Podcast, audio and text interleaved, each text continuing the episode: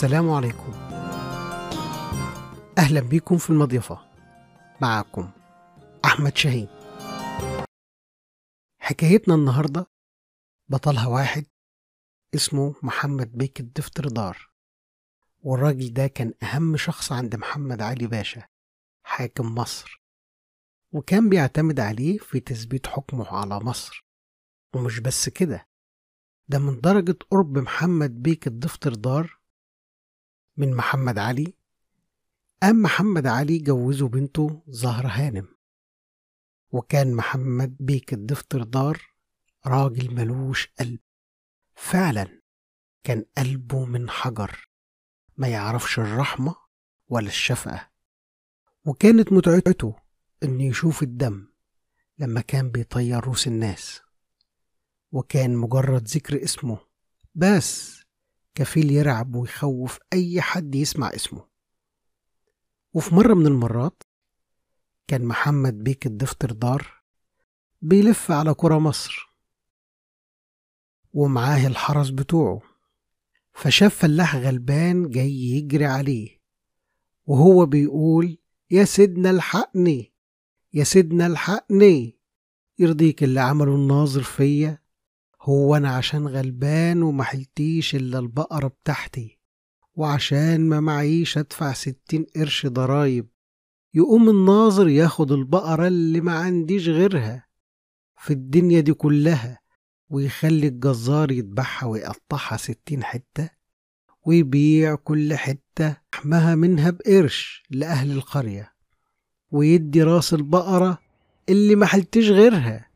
للجزار تمام ما دبحها ومش بس كده ولا حتى مداني منها حتة لحمة بعد ما دبحها طب كان بحها وهي صحي كانت هتجيب مية وعشرين قرش. يعني موت وخراب ديار يا سيدنا يرضيك ده والله ده ظلم. والله حرام يا عالم. محمد بيك الدفتردار لما سمع شكوى الفلاح بص لواحد من الحرس. وقال له اجمع لي كل الفلاحين اللي في القرية دي عند الساقية الكبيرة دي وهات لي الناظر والجزار اللي ذبح البقرة. وفي غمضة عين اجتمع الفلاحين كلهم اجتمع الفلاحين كلهم عند الساقية الكبيرة ومعاهم الناظر والجزار.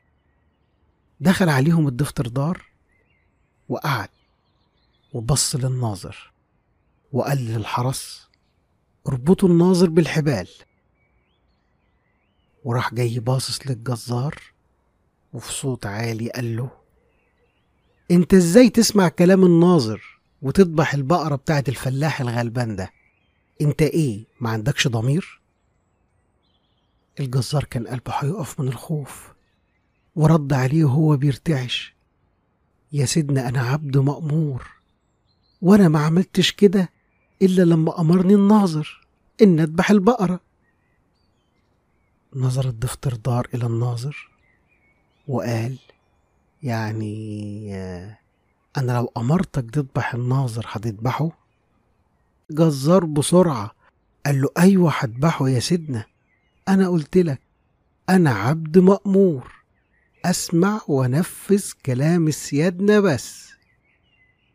وقف الدفتردار وفرد ظهره وقال طب أنا بأمرك إنك تذبح الناظر.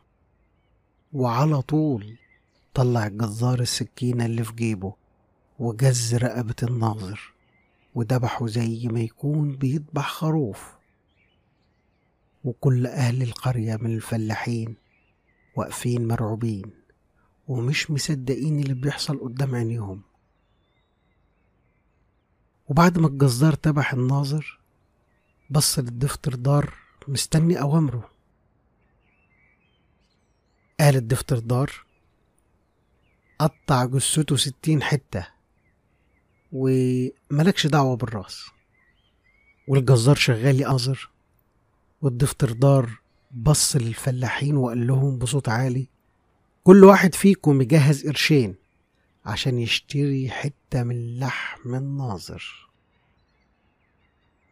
والفلاحين الغلابة لما جمعوا مية وعشرين قرش أخدها الدفتردار واداها للفلاح صاحب البقرة وقال له خد اشتري بقرة تانية ليك. وبص للجزار وقال له أنت تعبت في ذبح الناظر عشان كده خد الراس تمن لتعبك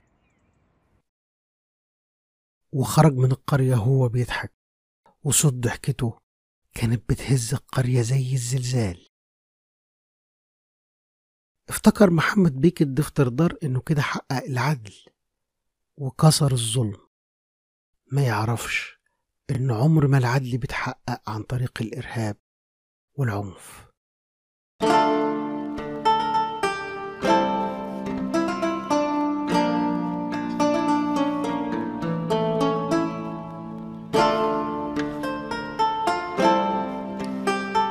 حكايتنا خلصت.